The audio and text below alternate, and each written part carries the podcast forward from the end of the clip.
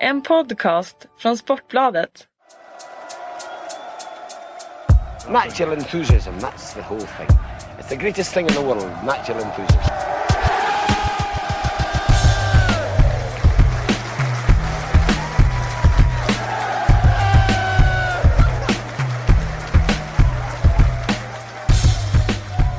Hallå hallå där ute och välkomna till Premier League-podden. Eh, april månad, den 16, en torsdag som vanligt. Fredrik Jönsson heter jag eh, och har med mig två killar med samma initialer. KK och KK kan ju ja, vara mysigt också för den delen. Eh, Karlsson och Kalle Karlsson, hur mår ni? Nej, men jag mår fint tycker jag. Jag börjar så får KK kliva in och berätta hur, allt om hur Londonlivet har varit den senaste tiden. Men eh, för egen del så mår jag prima. Mm. Välkommen eh, KK och välkommen tillbaka. Ja, tack så mycket. Det är kul att se er. Eh, det var ju hur kul som helst att komma in här på redaktionen och se lite bekanta ansikten igen eh, istället för massa fjäskande engelska journalister. Det är, det är friskt. Ska vi låta hela det här poddavsnittet kanske äh, handla om din tid i London? Nej, kan du, men du kan äh, berätta lite snabbt i alla fall. Vad, vad ska jag berätta? Det har... Berätta någon rolig anekdot du har Ja. varit med om där borta i London. Eh, Det behöver inte vara fotboll, kan vara vad, vad som helst. Ja, det var, det var ganska roligt för du sa innan podden Jönsson att vi skulle snacka Watford idag. Ja det kommer Och där har jag faktiskt en ku- kul anekdot. När jag var på Vicarage Road för, någon, för en månad sedan tror jag. Alexander? efter, Alexander, efter matchen mot Ipswich eh, Så sitter jag på presskonferensen där och den är ju Alltså det är inte någon riktig Alltså det är som en klassrum i princip. Väldigt litet. Och det är trångt och Ja. liksom alla journalister går fram och lägger sin mobil på bordet där. Eh, och när vi går och hämtar mobilerna igen så står jag och blockar eh, Jokanovic väg, tränaren där, Watford-tränaren. Eh, så för att komma ut så kramar han faktiskt mig. Eh, och så, eh, vi skildes åt med en kram helt enkelt. Det var den sista jag hämtade Ja, mobilen. det är en bra anekdot. Ja det var ju skönt. Och eh, förhoppningsvis så tränar han ju Premier League nästa säsong. Så. Har ni haft fin kontakt efter det? också? han ringde inte efter. Han gjorde Lite inte? besviken. Ja det är ju katastrofalt dåligt. Eh, men du har haft en fin tid där eller? Ja, det har varit, eh, det har varit kul. Eh, sett många arenor så det har varit eh, väldigt fint, måste jag säga. Mm. Vi, eh, hur mycket såg ni av helgens fighter förresten? Nej men det blev väl det vanliga egentligen förutom där på lördagen så var jag tvungen att se kapp lite matcher för vi hade ju um, genrep då eh, med laget så att jag missade eh, lite grann där. Eh, men eh, som tur är så sänds ju Sänds det ju lite repriser i Viasat som man kan plocka upp lite senare i veckan när man går upp och käkar frukost och sådär. Gött att ha repriser. Jag lobbade lite för Liverpool Newcastle i förra avsnittet. Det var en trevlig match med tanke på det som hände på 90-talet. Det blev inte så jättekul. Det blev 0-2 i baken. Eh, bedövligt för, försvarsspel emellanåt. Eh, jag vet inte hur mycket ni såg av det. Nej men man, det var ju synd där att det blev den där eh, det där tidiga målet. Mm. Alltså Newcastle, det känns som, där de är nu. I den formen de är i, den situationen Form? de är i. Ja, eh, ingen, ja men det är det jag menar. Den Ja. extremt svaga formen de är i och den situationen de är i. Så då behöver de vara med ett tag i matcherna för att de inte ska bara packa ihop. Det blir som att Raheem Sterling eh, vrider in 1-0 och sen, eh, ja, det var den matchen. Det var ytterligare Ja. en match till handlingarna i princip. Det är känslan man har i Newcastle. Sen ska de ju ha en solklar straffspark där och då hade Ja. kunnat tagit dem tillbaka in. Men eh, det blev ju ganska avslaget sen tycker jag. De hade Nej, inte, det jag känns tänkte- som att de ska ha rätt, rätt mycket tur för att få med sig några poäng Ja. nu för tiden i och med att de behöver leva ett tag in i matcherna. Det, är- det är ju lätt att förstå att spelarna har svårt att motivera sig själva. Eh, för liksom det kommer inget, ingen motivation från ägarhåll. Då är det ju liksom De är där för att spela sig därifrån. Eh, och liksom visst om alla gör det på samma gång så kan det bli någonting men Nej. Men det är intressant det där när du säger med motivation och sådär. För jag håller med, de är ju liksom i det där ingenmansland. De kan inte åka ur. Mm. Förmodligen inte. Nej, eh, och eh, de kan inte ha något egentligen med Europaplatser att göra heller. Även om de skulle gå rent nu sista omgångarna så kommer de ju inte Nej dit. absolut inte. De skulle Eh. behöva en seger till kanske på de sista om... Ja, för att vara helt säker. Mm. Förlorar de resten kanske de Kommer de ta en till Ja. seger? Det är liksom, Nej, jag det är inte säker på det. Ja, men eh, förmodligen så kommer inget att hända i alla fall. Eh, men Förr kommer jag ihåg, man eh, funderar alltid på det där med just med motivation. För man tänkte så här på svenska lag kan, vara, kan gå in i en match, eller svenska med många lag, liksom olika nivåer. Kan, Då kunde man ju titta alltid på England. När det var en mittenmatch där på våren. De hade ju inga problem att motivera sig Mm. förut. Men nu idag då börjar man liksom titta efter, ja men de har inget att spela för och sådär. Men förr när man kollade på engelsk fotboll då var ju verkligen den där motivationen extremt hög. Passionen var extremt hög. Och eh, inställning var det ju alltså, extremt sällan något fel på. Mm. Även om lag inte hade något att spela för Nej. där i mitten av tabellen-. Ja, och det, det blir ju extra talande som i, liksom när man förlorar ännu ett derby mot Sunderland. Den enda, den enda spelaren som, som jag tycker ser ut att bry sig överhuvudtaget det är ju Colback. Och det är ju liksom trots att han kom från Sunderland. Men det är ju för att han är Geordie liksom. Mm. Så han kan, han kan resa sig för ett sånt tillfälle medan eh, resten av spelarna där, alltså nej. Jag, alltså, jag ser ingen geist, jag ser ingen hunger. John Carver brinner också, men det är ungefär det. Colback och John Carver. Det, det kändes lite eh, annorlunda för några år sedan innan man började med den här franska, i alla fall när det gäller derbyna. Att det fanns något annat. Eh, att det fanns britter som verkligen ville vinna derbyna. Vi hade eh, Nolan och Barton och Andy Carroll och sådär. Det var ju helt annan inställning. Nu liksom Derbyt var ju otroligt dåligt. Ett skott. Och det, alltså första skott kommer 78 minuten. Det är precis som du säger. Det, nu mot Tottenham känns det som att ingen vill vara där. Supporterna ska bojkotta matchen som en protest. Cissoko är ju avstängd och så finns det mängder med skador. Det känns som att det är ingen som bryr sig liksom. Och man måste nästan vara med i minst till halvtid som Kalle var inne på 45 minuter. Då kanske man bryr sin andra halvlek Ja. ja. sig igång. Då kanske man kan hota lite och Mm. hoppas på att, ah, som mot Arsenal av någon konstig anledning så blixtrade man ju till där. Mm. Man hade i och för sig gjort en bedrövlig halvlek då. Eh, av någon konstig anledning så gick man ut i andra och gjorde det hyfsat bra. Eh, men alltså det, så, det behövs göra så mycket. De är så långt ner. De är liksom, jag vet inte, jag har svårt att hitta klubbar som eh, ser så mörka ut. Det kanske är för att jag håller på dem också. Men Ja, det, ser, det finns nog en sån eh, aspekt men eh, det finns ju inte mycket positivt. Du kan ju inte hitta mycket positivt i Nej, alltså man skulle kunna säga positivt att CC är tillbaka men samtidigt, han vill inte vara där. Nej, han vill inte nej. vara där, han bryr sig inte ett skit liksom. Han vill bara bort. Eh, och där liksom, det är inte så att han hittar någon motivation i det utan han tycker att han har förtjänt att, att komma till en större klubb. Och eh, då, är det liksom, då blir det ingen prestation på planen heller för att komma bort. Det är Jonas Gutierrez. Det är jättekul att han är tillbaka och kan spela fotboll igen. Ja, Det, var är det en enda fin- som är roligt med det Newcastle just nu. mottagande Han han blev fick ju- där på ja. Anfield. Det, Så att, det eh, var väl det enda positiva egentligen. Ja. Mm.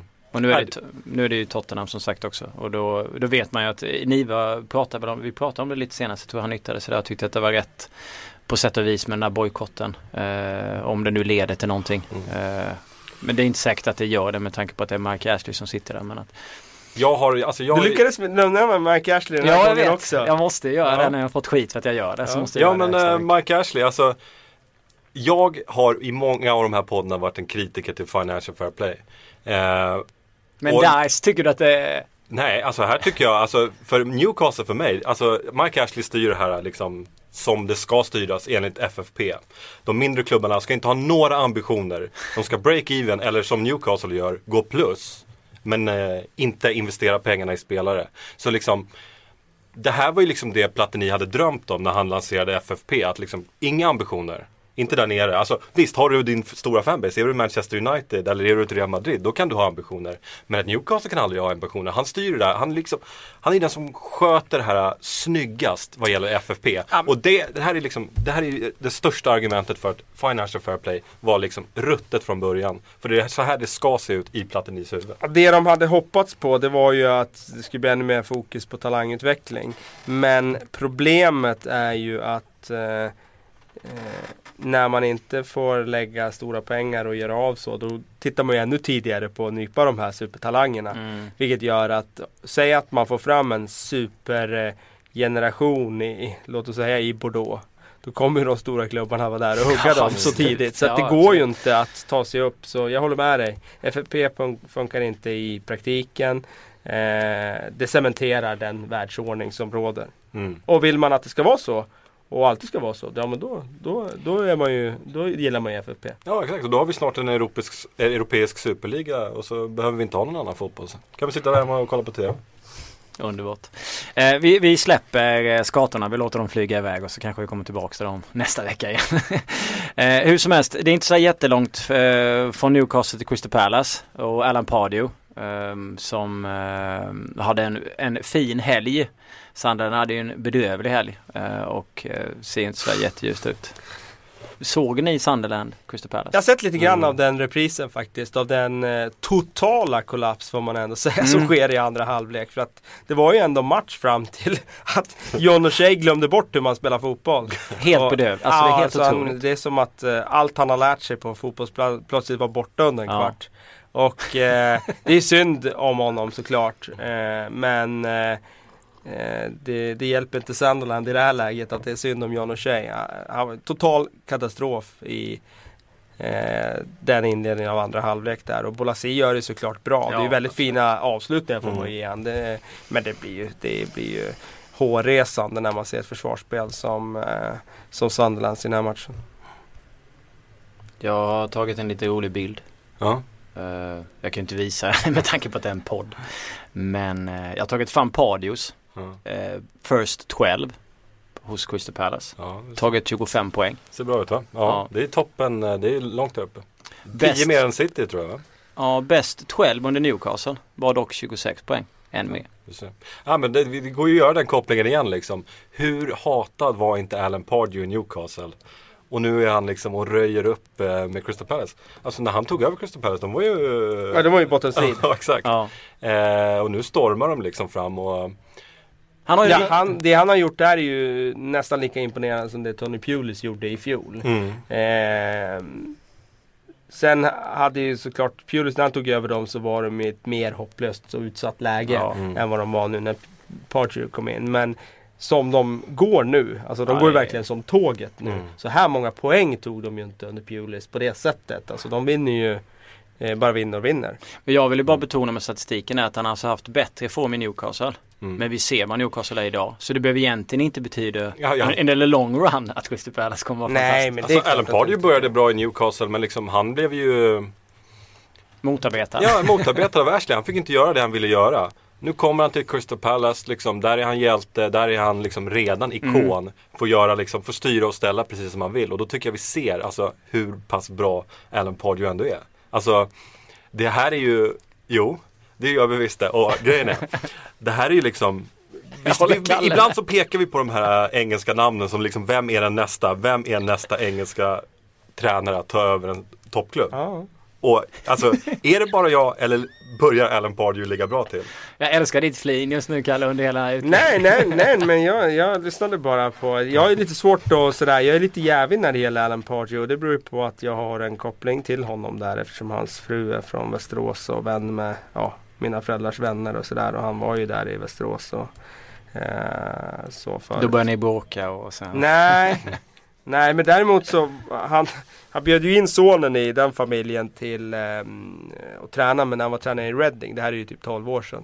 Eh, 12-13 år sedan. Då skulle jag ju också få frågan att åka. Jag fick frågan lite löst att åka med och träna Bomb. med Reading. Men, Oj. eh, Bom, bom, men bom. när de låg på träningsläger i Varberg var det här.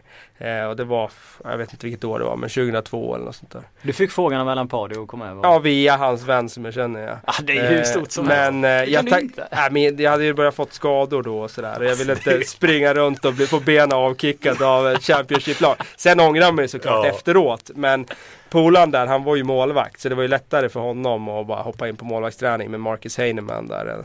Så, en annan hade nog haft eh, lite större problem. Eh, så. Eh,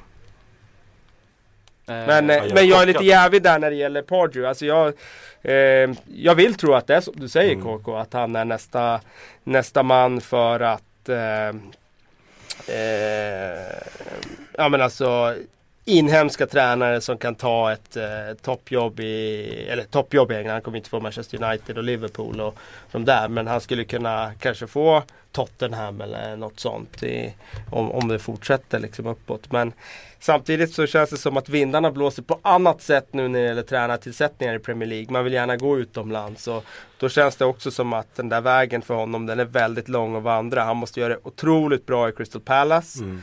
Eh, över tid. Mm, Inte en eh, vår när solen skiner Mm. utan över hela nästa säsong och överraska rejält där. Och överraska rejält då menar jag liksom topp 8 minst. Mm. Eh, efter det kanske han skulle behöva eh, ta ytterligare en klubb Ja, och det, och det här, blir där. svårt för liksom, nu är han ju hemma på något sätt. Ska han liksom kliva tillbaka till, vad då liksom ett Sunderland eller vad, vad snackar vi om då? Det är ju liksom Nu Nej. finns ju bara ett kliv att ta. Det är uppåt Mm. i så fall.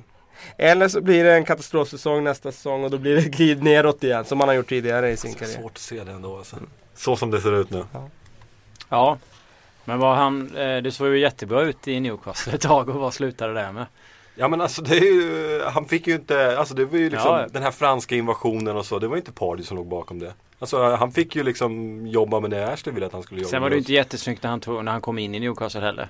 Chris eh, utan åkte väl ut efter fem kryss. Och det var för dåligt med fem kryss. Liksom Mm. alltså. Nej det var ju, jag vet inte var jag ska börja. Eh, ja.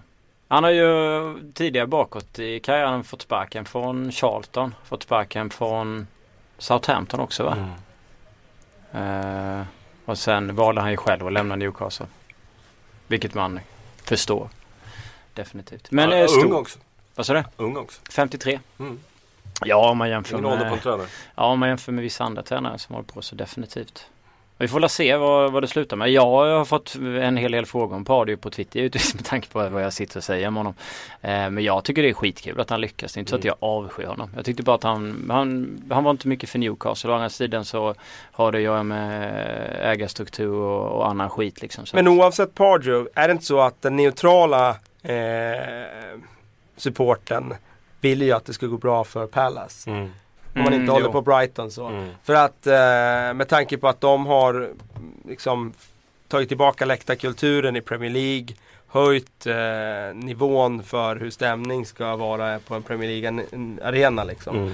Eh, det känns det som att det är ganska många ändå som vill att det ska gå bra för Palace. Att de ska vara kvar i Premier League. Mm. För att de har mycket att lära andra arenor. Ja men man känner ju liksom ingen så här, eh, man, alltså, det, jag tror det är svårt att hitta folk som liksom avskyr Palace som klubb. Eller? Nej men det är ju Jo, de där nere då ja, i så exakt. fall i södra London där. Mm. Alltså Ja. grannarna där. Ja jo men jag tänkte mer så här, ja. Ja, eh, intressant. Eh, hans framtid. Den största matchen i helgen var väl ändå Manchester-derbyt. City tar ledningen, sen vändes det och United vinner. Ja det var ju en extremt stark start av City. Det Mm. kändes ju nästan första tio som att det var eh, Alltså att det kunde rinna på. De hade ju någon chans där innan som var ganska het också. Ja. Kändes som att de var inte riktigt på tå i, i hemmalaget där. Men eh, United. Ja precis och sen eh, Sen får de ju det där eh, maskineriet som de på väldigt kort tid nu har blivit. Alltså ganska samkörda. De vet vad de ska göra. De skickar bollen lite rakare, lite enklare.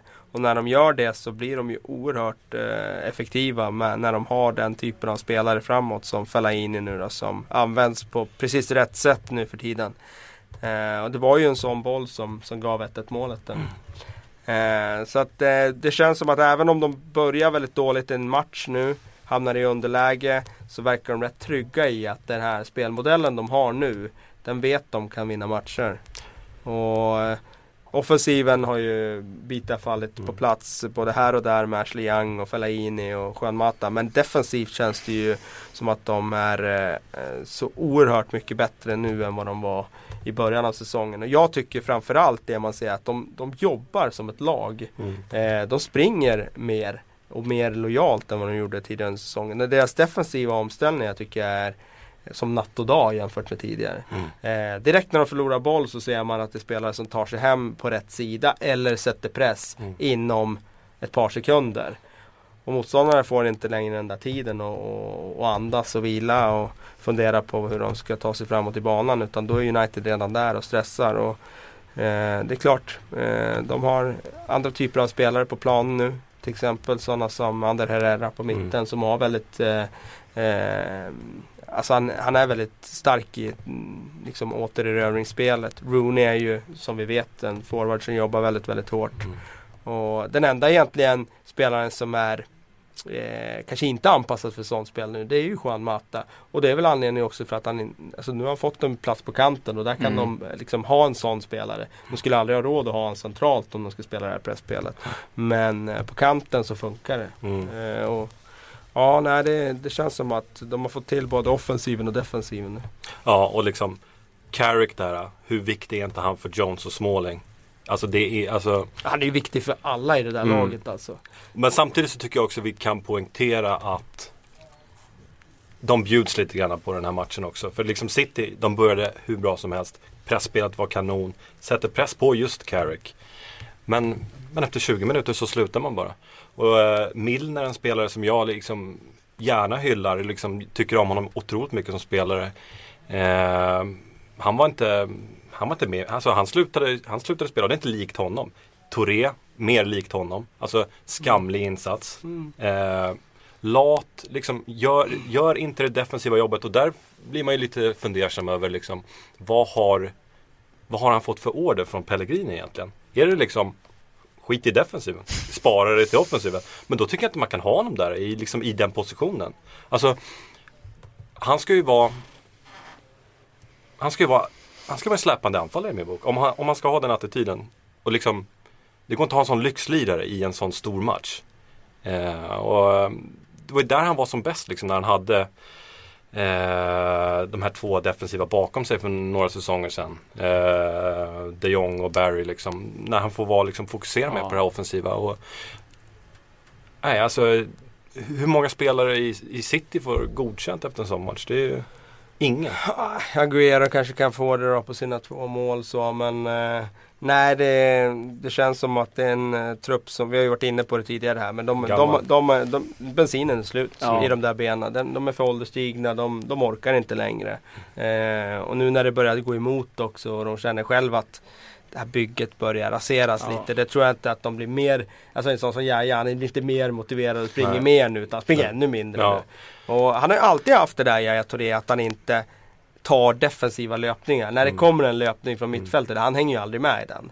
Eh, men tidigare när han var så fruktansvärt bra på andra sätt. Mm. Att han bara kunde styra spelet med sin eh, fysik och sitt passningsspel och sin otroliga styrka att ta sig Mm. framåt i plan och även att göra mål.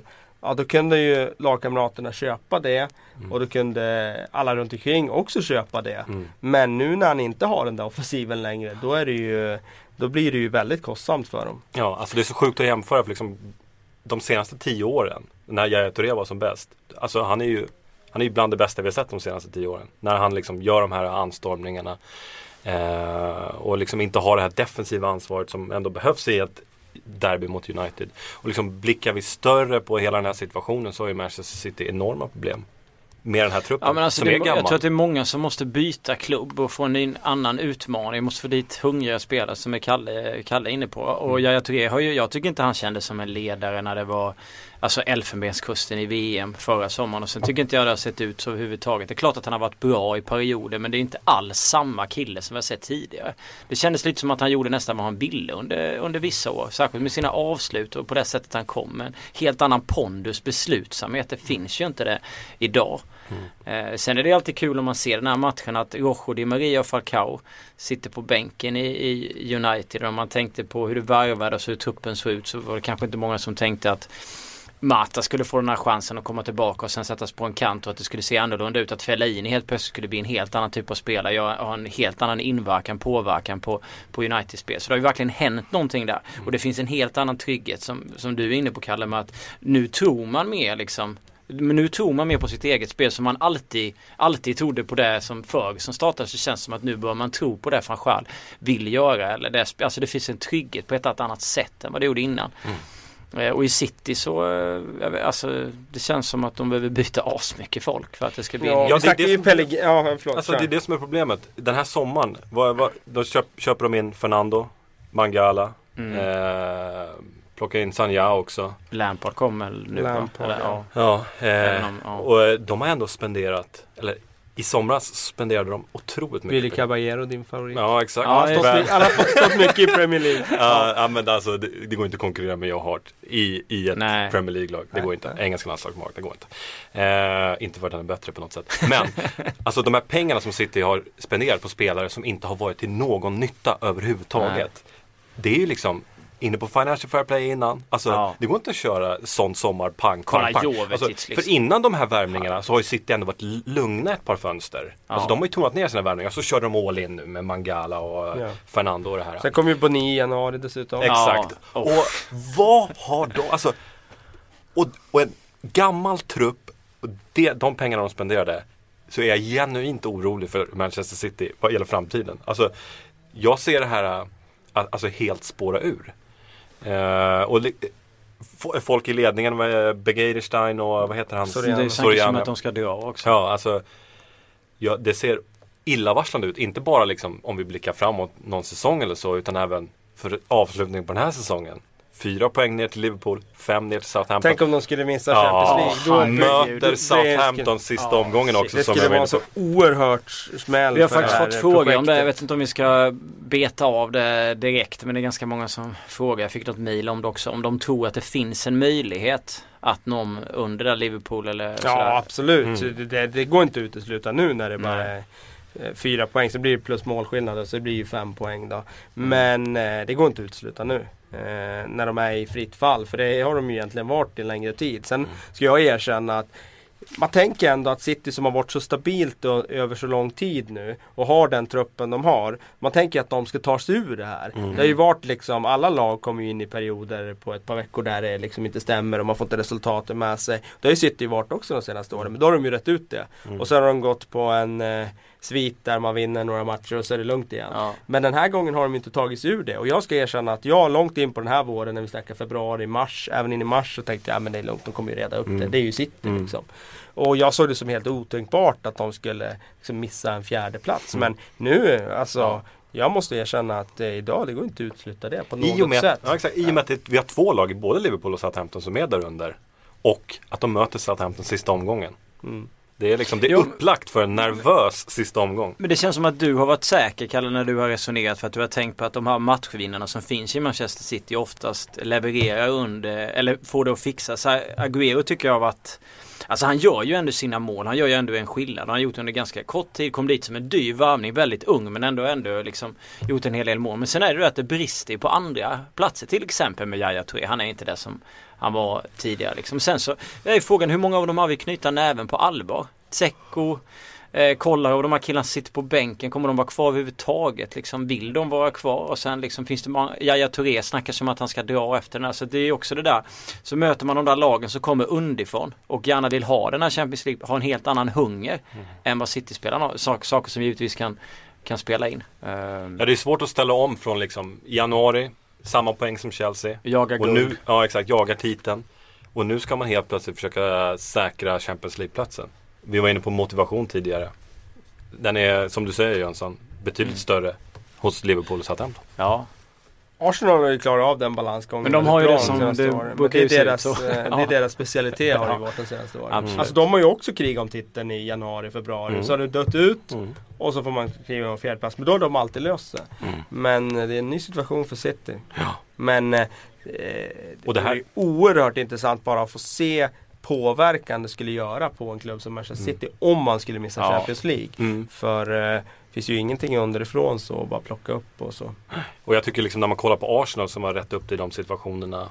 Då har du liksom Wenger som är där, du har spelare som är, gillar Wenger, som är trogna Wenger. Ja. Eh, och i City har du ett helt annat lag. Du har liksom superstjärnor på superlöner som har en ny tränare varannan säsong i Manu Pellegrini. Jag vet inte, är han värd att kriga för? Det, det vet jag inte. Nej, alltså nu när eh, känslan är att allt bara håller på att raseras. Då, då får man väl inse att Pellegrini får vara glad om man, om man ens stannar resten av säsongen. Mm. Jag, eh, vi diskuterade Pellegrini tidigare och jag tycker fortfarande att det är få tränare av klass som är tillgängliga. Sen plötsligt blev ju Jürgen Klopp här mm. eh, ledig eh, som av en händelse här i veckan och då förändrades ju det läget ganska radikalt. Det är klart att City kommer vara väldigt, väldigt intresserade av att knyta till sig Klopp nu i sommar. Mm. Vi har ju eh, de här, eh, alltså det blir ju extremt roligt med Southampton. Uh, City sista om det fortfarande lever då. Mm. Uh, ja, men det tror jag att det gör. Liverpool har väl, uh, de har ju liksom Aston Villa, West Bromwich, Hull, QPR. många av de lagen är nere. Chelsea på bortaplan. Crystal Palace hemma och Stoke. City har väl West Ham nu, Aston Villa, Tottenham, QPR, Swansea och sen Southampton. Mm. Så det är väl lik, ja, ungefär någorlunda lika spelschema. Det skulle ju nu är det kanske taskigt att säga mot City-supporter men jag fattar vad du är inne på också Kalle. Hur, hur stort det skulle alltså, spela in för en klubb som liksom har arbetat upp eh, det här ryktet och liksom varit eh, ja, där och haft de, har de superspelarna med de lönerna vad, det skulle, vad som skulle hända liksom. Eh, och sen kan man ju tänka sig A lot can happen in three years, like a chatbot may be your new best friend. But what won't change? Needing health insurance. United Healthcare Tri Term Medical Plans, underwritten by Golden Rule Insurance Company, offer flexible, budget friendly coverage that lasts nearly three years in some states. Learn more at uh1.com. Ja, när man pratar motivation, många av de här spelarna som är i City, de vet ju att även om de missar Champions League så är inte deras karriär över. Alltså de har ju ett bra andrahandsvärde och kan hitta andra klubbar och De är lite i sin senare del av karriären också vilket gör att de kan ju gå till någon annan, de har gjort sitt. Liksom. De har ju alltså, tjänat extrema pengar med. Ja, liksom, alltså de, de, kan ju gå till en annan klubb och tjäna väldigt bra. Och ja. De är kvar på håller fortfarande bra nivå och vissa av dem kanske vill till och med ta ett steg neråt som Jaja till exempel. Han skulle säkert kunna tänka sig bara en ny utmaning efter den här säsongen. Och, och eh, oavsett vad det är egentligen. Ska jag det snackas som att inte vill ha både ja, Jaja och typ jo, Jovetic också. Ja men typ så. Jovetic som jag har sett känns jättetråkigt. Att det, har liksom inte, det kändes som att han var stekhet där ett tag och hade en trevlig karriär att se fram emot och sen ja. Så känns det som att det har gått åt helt fel håll. Men ja, eh, ja i alla fall. Eh, Men eh, på United också. Eh, ska vara helt ärlig och säga att det tog eh, ganska många månader för van Gaal att hitta 25 omgångar ja, typ. det spelsystem. Du, han hittade det för tre veckor, fyra veckor sedan eller någonting. Ja. Eh, av en slump egentligen. Skador och liksom så. Jag vet inte om jag riktigt ännu vill lyfta van Gaal till eh, skyarna men ehm, jag, det ser ju nu när han har snubblat på sin eh, så som han ska spela då, är, då tycker jag att det, det ser lovande ut inför nästa säsong också. Det ser ju tryggt ut. Nu möter de ju Chelsea. Vi kan väl komma tillbaka till det senare. Vi möter dem på, på lördag kväll på bortaplan. Det ska bli kul att se vad de kan göra där. Men alltså eh, tabellsituationen för er som lyssnar när vi pratar om det här med Champions League är alltså att United är 3 på 65 poäng, City är 4 på 61 och så ligger då Liverpool på femte plats 57 poäng och Southampton sexa på 56. Sen är det väl lite väl långt till sjuan Tottenham på, på 54. Ja, Men det är därför vi pratar om att det finns goda chanser för både Liverpool och Southampton om de eh, får en bra avslutning att eh, plocka eh, platsen av City.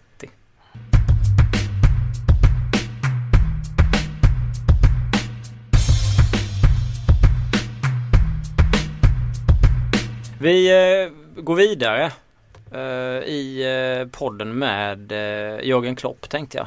Eh, I och med att du nämnde det där också. Det är ju hyperintressant eh, vad som kommer hända nu när han väljer att liksom lämna Dortmund. Var kommer han hamna liksom? Blir det City? Eh, det var ju något snack om Arsenal där ett tag men nu verkar det som att de vill ha kvar Wenger ett tag till. kan det vara så att de byter i United ändå trots att han får en bra avslutning? Liverpool. Jag tyckte det var Newcastle. ja, precis. West Ham var det ju faktiskt snack om. Alltså, alltså rykten som kopplar ihop honom med West Ham. Ja, det var ju spännande. Ja, det var ju spännande. Jag tror att han kommer att eh, Jag tror att han kommer kliva till en klubb eh, topp fyra i vilken liga det nu än handlar om. Jag tror att det blir England för hans mm. del. Eh, han har ju sagt själv och antytt lite om att eh, att uh, han gillar ju heavy metal och England skulle liksom passa honom bra rent så fotbollsmässigt. Uh, jag skulle tro att uh, det landar någonstans City Arsenal. Beroende på avslutningen här för Arsenal nu. Mm. Om de kommer behålla Wenger, vilket jag tror att de gör. Eh, med tanke på att den här säsongen förmodligen då kommer sluta positivt för Arsenal. Mm. Eh, och då tror jag att de resonerar att Wenger är kvar och han är ju väldigt sådär mån själv om att avsluta, liksom fullfölja sina kontrakt och så vidare och allting. Och avsluta det han påbörjat med att bygga upp. Och det känns som att Arsenal är på rätt eh, väg nu, mm. det har vi pratat om tidigare här. Eh, så jag tror att han blir kvar och då finns det en lucka och det är Manchester City. Jag kan inte tänka mig att van Gaal får gå om United fixar fjärdeplatsen och alla pilar pekar uppåt där, vilket det gör för dem just nu. Mm. Eh, jag är helt övertygad om att eh, Brendan Rodgers får fortsatt förtroende i Liverpool även om de skulle missa fjärdeplatsen. Han har så pass bra förtroendekapital från förra säsongen. Sen kommer självklart den här säsongen vara ett misslyckande om man missar fjärdeplatsen. Mm. Det är klart, eh, man måste se det så. Eh, och även om Brendan skulle bärga FA Cup-titeln så det är klart då, då är det lite mer incitament för att han skulle få stanna då. Men... Eh, Tottenham kanske? Nej, det tror jag inte. Jag tror Pochettino kommer få mer tid där. Eh, ungt manskap, man vet att eh, de här var inte redo och riktigt flygfärdiga den här säsongen. Eh, känns ändå som att flera spelare, unga spelare där har fått eh, bra utväxling på sina Mm, karriärer den här säsongen. Så att eh, det är bara en lucka kvar och det, det, det är den där i City. Ja, det rör ju om lite grann i grytan alltså. Känns inte rätt att Klopp tar över City med tanke på hur Dortmund har varit som fotbollslag? Att han... Nej, det blir ju inte den där eh, romantiska Nej. liksom, klubbbyggandet på det sättet som det har varit i Dortmund med sina egna egenfostrade spelare och 88-generationen där med alla de här guldklimparna som bara sprang sönder alla lag i Bundesliga och tog ligatitlar där och tog sig hela vägen till Champions League-final. Det blir inte samma sak att bygga på Nej. ett in- ihopköpt lag. Nej, eh, det är ju Alltså vi, som vi var inne på tidigare, liksom City ser lata ut på många håll. Det är ju liksom Skulle jag peka på en klubb som verkligen inte passar honom filosofiskt Så är det ju City. Mm. Och eh, Skulle jag peka på någon som passar honom så är det kanske Men då är, då är vi inte ens aktuella längre. Men ett Everton kanske, någonting Mm. liknande. Mm. Eh, och som sagt, det rör ju om i grytan där. För tanken var ju att alla tränare skulle bli lediga 2016 sommaren där. Eh, men alltså den här bomben kan ju sätta igång saker på allvar här. Vi har Car- Carlo Ancelotti också som eh, är alltså millimeter från att få sparken. Om, alltså, om de inte ja, vinner Champions League, förlorar knappt i finalen kanske, så, Mm. så ligger han ju pyrt till alltså, om de inte vinner ligan. Mm. Eh, så Klopp i Real Madrid, varför inte? Ja, alltså sen det var väl någon som skrev om lite italienska klubbar men jag vet inte, jag har lite svårt att se att han hamnar i Serie A liksom.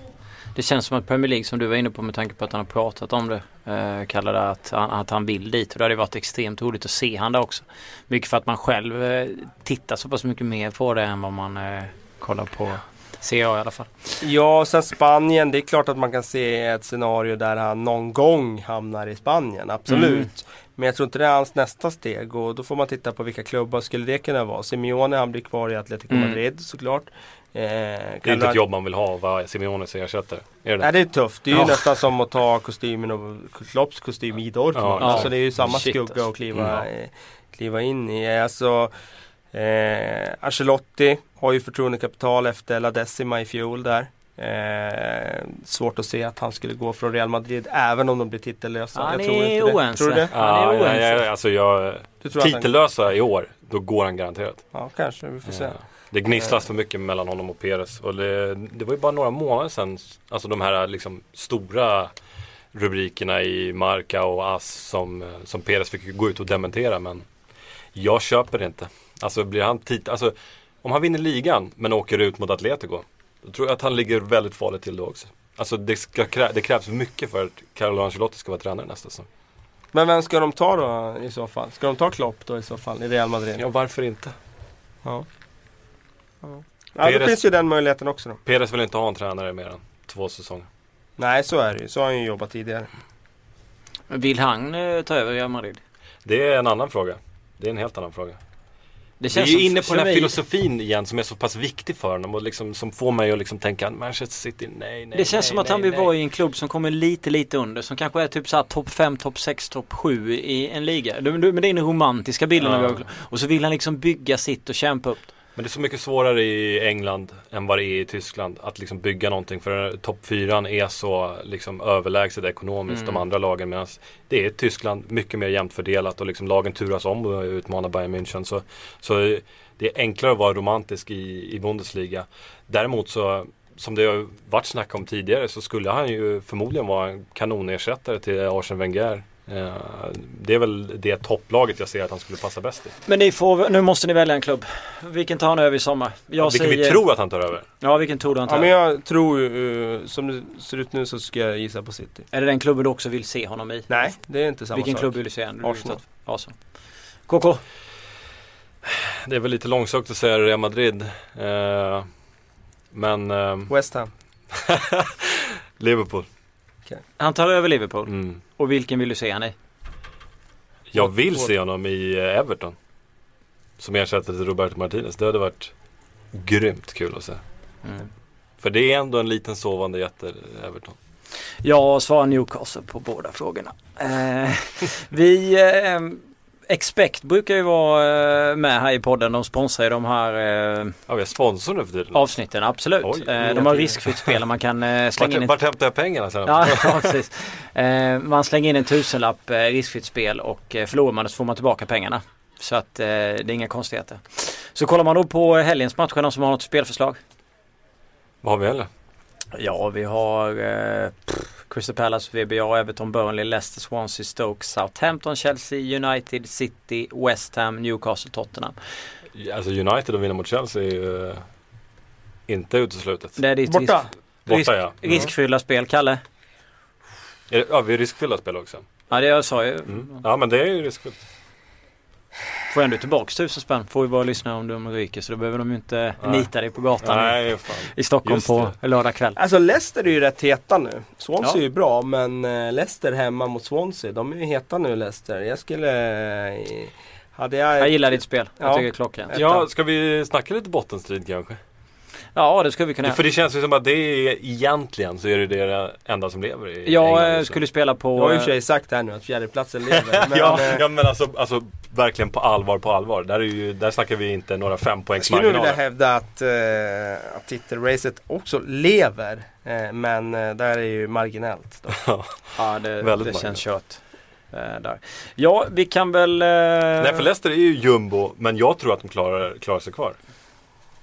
Ja. Med tanke på att Hall inte gör mål liksom och Sunderland i fritt fall. Sandland är fritt fall ja, Ja, och det räcker ju att ta en trea för Leicester samtidigt som, ja, med, en, med ett måls marginal samtidigt som Hall får stryk med ett eller två. Sen har de ju Mm. bytt plats i tabellen. Hall Sunderland är liksom, liksom. är absolut några jag skulle peka på som, som nedflyttning. Sunderland Alltså, är ju så otroligt mystiska så att det är liksom... ja, de de- har ju inte haft något bra material de senaste säsongerna. De har ju varit i riskzonen Mm. hela tiden. mm.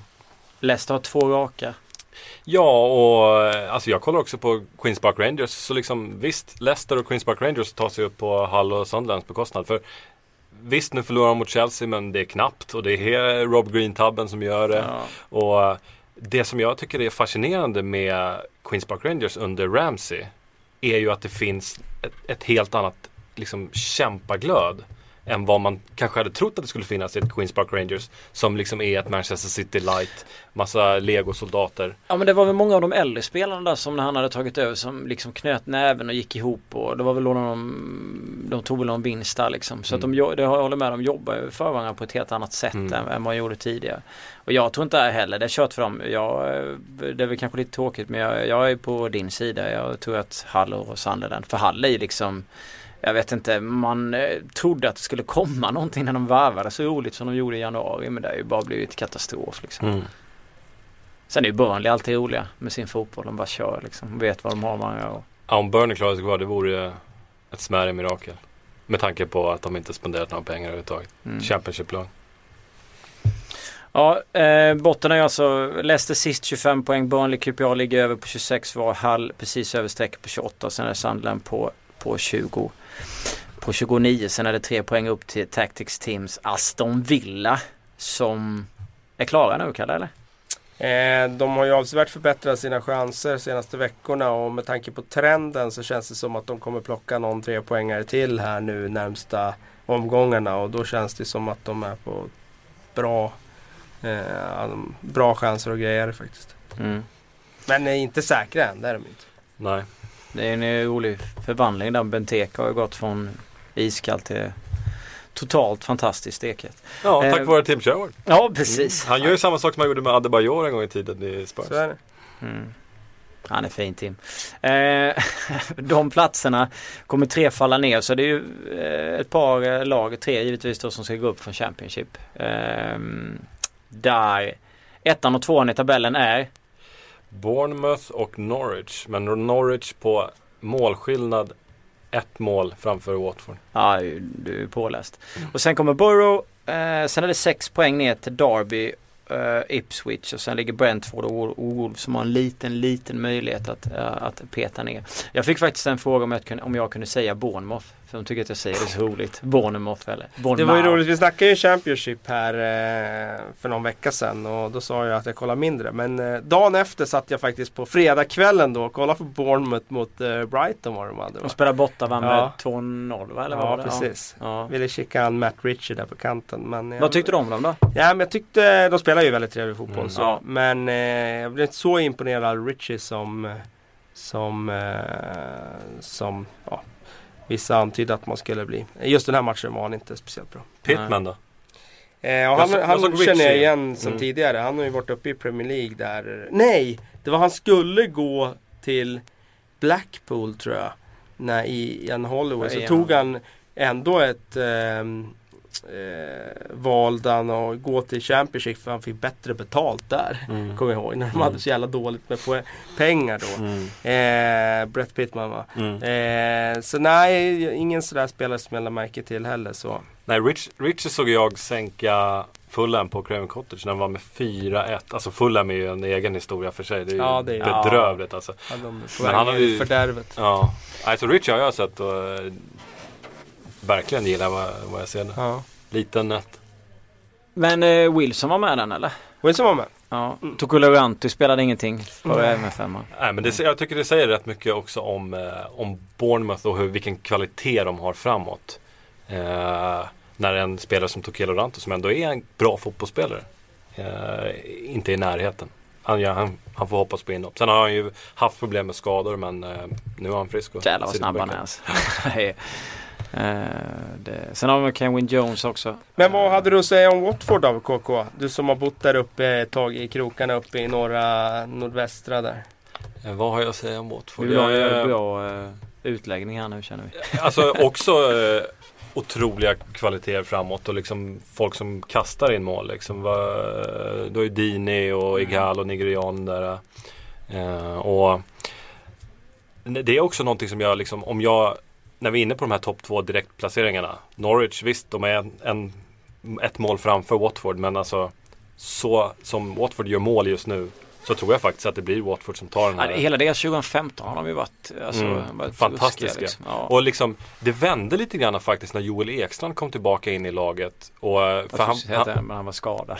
nej, nej, nej. Eh, för han var utanför en period där tidigare på säsongen. Kom in igen och liksom, de började rada upp liksom, eh, nollor och eh, trepoängare. Så.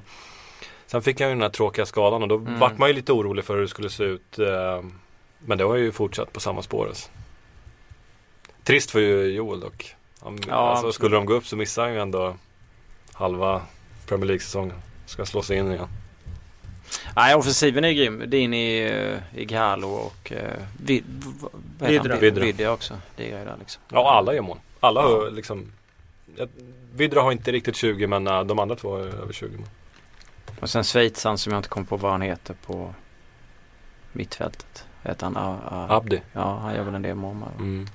Ja, det Eh, ja, det, är- det är Bour- Bournemouth eller Bournemouth eller bara Bournemouth Bournemouth. eller jag bara drar alla bara för det. Bara för att jag vill bjuda den här killen på så många uttalanden som möjligt.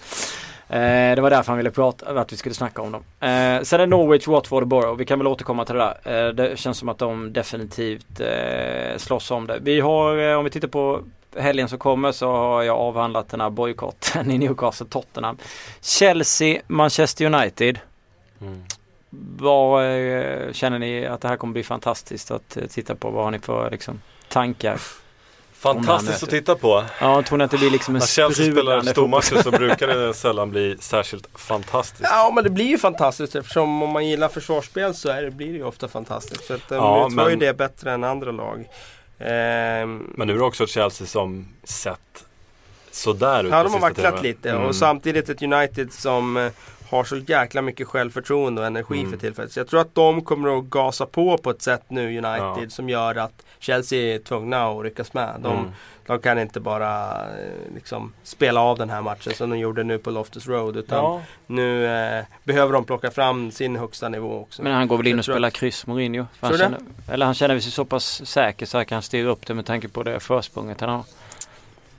Ja, men samtidigt som de sett ut på sistone. De har ju fått förlita sig på målvaktstavlor liksom de senaste tre matcherna. Så jag tror att Mourinho måste göra han måste vända och vrida på någonting i det här laget för det fungerar inte just nu. Det är bara Hazard som presterar och Fabregas ser ju liksom ut som att han har spelat två säsonger på rak. Liksom. Det, Mm. Han har ju alltid den här tendensen Fabregas att de Mm. tappar efterhand eh, under säsongerna.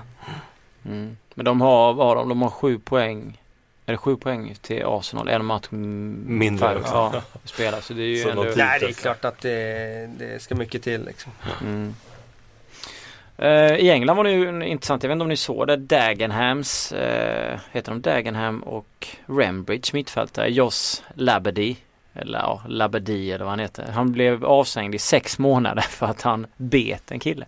För andra gången. Det var andra gången han bet eh, någon spelare och eh, blev avstängd tio matcher förra året och nu blev han avstängd ett halvår. Halvår alltså. Det var, det var verkligen att ta i när det gäller straff. Men ändå lite intressant att det finns många som biter där ja, men det är, alltså, är man återfallsförbrytare när det kommer till bitning då vet man att det, då kan det svida ordentligt. Men Dagenham och. Rainbridge måste ju spela liksom någonstans i conference va? Det är Ja, det är långt ner. Ja, det är det nog. Ja.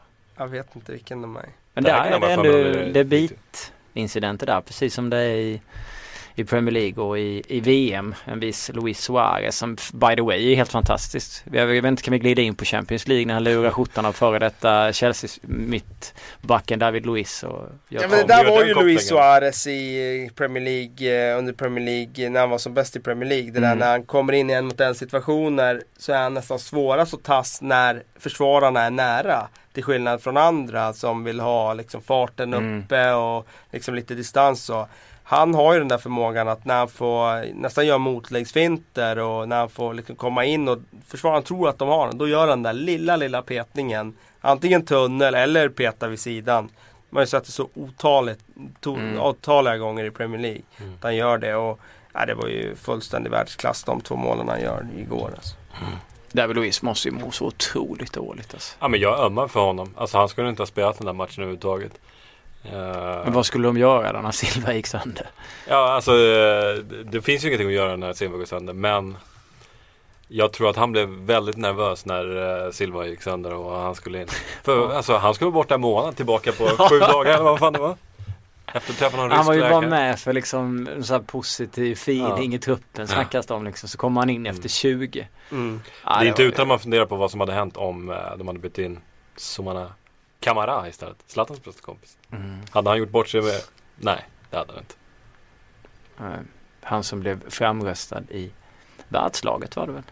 Kamara? Nej jag vill säga David David Luiz blev väl eh, ja, ja, Ja, ja, absolut. Absolut. En bra eh, pris, en bra peng fick eh, Chelsea för honom när Mm. han gick. Eh, Det väljer ju in frågor. Robin har, jag tänkte så vi hoppar över till det helt enkelt. Mm. Om det inte är någonting ni känner att ni vill avhandla innan. Jag antar att ni har snackat massa om Raheem Sterling och hela den soppan. Men att han inte vill, ja jag lät, vad heter han? Silly kungen Patrik Sjögren orera runt Ja. att han inte eventuellt inte vill förlänga eller inte kommer förlänga. Mm. Vi får se vad, vad som händer. Vi tänkte ju nu när Patrik Syk inte sitter så kan vi släppa lite på Liverpool. Mm. Eh, men vi lär ju återkomma till dem. Det är faktiskt Rob, Robin frågar vad som har hänt med Patrik Syk och han, jag kan bara säga att han har andra åtaganden ett tag till men han kommer komma tillbaka eh, och ersätta mig förmodligen antar jag. Till din glädje Robin. Hur Eh, trivs du som programledare? Ah, fantastiskt. Ja, det, Jag tycker det är underbart sitta här och orera Ja. och bjuda på min småländska dialekt. Björn Andersson eh, undrar en enkel fråga om City. Han tycker den är enkel i alla fall. Är det spelarna eller Pellegrinos fel? Både och. Eh, och det var ju eh, kanske lite luddigt svarat av mig. Men eh, alltså spelarna ehm, har inte varit tillräckligt bra. De har inte i närheten av eh, tagit det jobbet som krävs av dem och som man ska kunna kräva av dem. Pellegrini har inte lyckats eh, få skeppet på rätt köl igen. Han har inte eh, klarat av att eh, kanske tumma på vissa av sina eh, punkter eller så som han har i, i rent taktiskt och så som hade krävts i det här läget. Han har kört vidare på, på, eh, i samma hjulspår och det har bara liksom blivit sämre och sämre. Mm. Sharkbet undrar, vi stannar kvar lite på City och United. Yahya Touré är enligt han ihop med Falcao de största flopparna i årets Premier League. Bör Yahya Touré, jag antar att han menar Yahya Touré, skolas om till mittback? Att han är för temposvag för att spela eh, center mittfält. Och det känns ju lite fel när defensiven kanske inte alltid är hans. Jag tycker, jag, jag tycker inte att, att han är temposvag i den bemärkelsen. Jag tycker inte det är hans problem. Problemet är att han väljer aktivt att inte ta det defensiva jobbet. Ehm, och det är ju lite illavarslande om man som huvuduppgift ska ha eh, defensivt arbete som mittback. Så, nej, alltså lösning för honom ser jag som släpande anfallare. Ja, tia istället. Ja, Mm. helt, helt utan Jag kan däremot tänka mig liksom Yahya Touré som mittback om ett par, tre, liksom par år. När han tar ytterligare ett steg i sin karriär och trappar ner. För att han Mm. spelar ju ändå mittback i Champions League-finalen 2009 Mm. där och gjorde det med den äran får man ändå Mm. säga. Det är som Anders Svensson där i Elfsborg. Men han har gjort lite tabbar Anders Svensson. The Guardian har gjort en lista där de räknar rankar Monk som den bäste och Pellegrini som den sämsta. Typ Utifrån förutsättningarna då eller? Ja, det är en kille som eh, en alternative ranking list for the season so far. Eh, och det är en kille som har hört av sig i april. Så det är ju fram till nu då antar jag som han har, eh, vill att vi ska diskutera, ut, diskutera utifrån denna. Nu har inte vi hunnit läsa igenom artikeln så det är ju lite svårt att veta Men exakt. hur Monk etta då och sen då? Ja, eh, Pardew tvåa, eh, Wenger trea, eh, Mourinho fyra och eh, van Gaal femma. Och sen då eh, Pellegrini sist. Jag vet fan. Ja, Gary- nej, men Gary- alltså, Gary Monk har gjort det väldigt, väldigt bra måste man säga. Vi snackade ju om honom här för någon, för Ja, någon vecka sedan. Ja. Ja. Det var, fast det var i ett annat sammanhang. Men Mm. alltså, han går alltså från att vara spelare direkt till caretaker manager. Mm, ja. Eh, väldigt svårt steg- att ta. Du har varit eh, liksom lagkamrat med spelarna, plötsligt ska du vara deras chef. Mm. Eh, krävs eh, enormt mycket eh, från dig som ledare. Eh, Swansea är ju bättre idag än vad jag trodde att de skulle vara efter Laudrup-perioden där de verkligen var på väg ut för. Eh, de har liksom blivit stabilt Premier League-lag igen. De eh, är på övre halvan, de spelar bra fotboll. Eh, jag skulle säga, sätta en stor fjäder i hatten på Gary Monk Mm. eh, sen han tog över för det arbetet han har gjort där. Så jag köper absolut utifrån förutsättningar, eh, resurser, allt det där att han skulle kunna vara eh, liksom topp tre på managers den här Mm. säsongen med sitt arbete. Jag minns när vi satt i just en sån här Premier League-podd. Ronald I- Koeman ska ju in där också såklart. Han är sexa på ja, listan. okej. Ja, det kommer vi till strax. Först vill jag bara poängtera. När, när jag satt i den här podden för, liksom inför säsongen. Avsnittet inför och vi tippade vilka som skulle åka ut. Då hade jag Swansea som att följa med Burnley bland annat. Ja. Eh, På grund av Gary Monk eller? På grund av osäkerheten i det hela.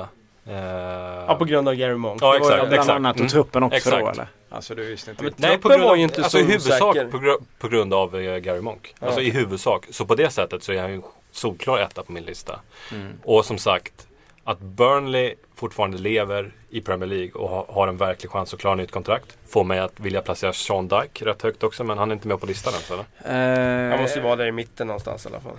Ja, jag ska kolla. Jag tror han är åtta... Åtta... Nio, åttonde, nionde plats. Jag har inte kollat igenom listan. Det är Monk. Eh, Monk, Pardew, Wenger, Mourinho, van Schaal, Koeman, Rodgers. Ja, sen kommer han som åtta. Sen är det Allardyce, Pochettino, Mark Hughes, Sherwood, Tony, P, Martinez, Nigel Pearson, Dick, Steve Bruce, John Carver, Chris Ramsey och Manuel Pellegrini. Ja, Koman som sagt. Där är ju, han ska ju vara högre än sexa. Ja det tycker jag. Med tanke på vilken, ja vi har ju pratat om det så många gånger, men med tanke på vilken eh, utförsäljning det blev Mm. där på spelare och att han ändå lyckades eh, få till det så snabbt som han fick och sätta ett försvarsspel och Mm. med nya spelare och bra värvningar och allt det där. Sen kan jag tycka att Wenger på trea är lite högt.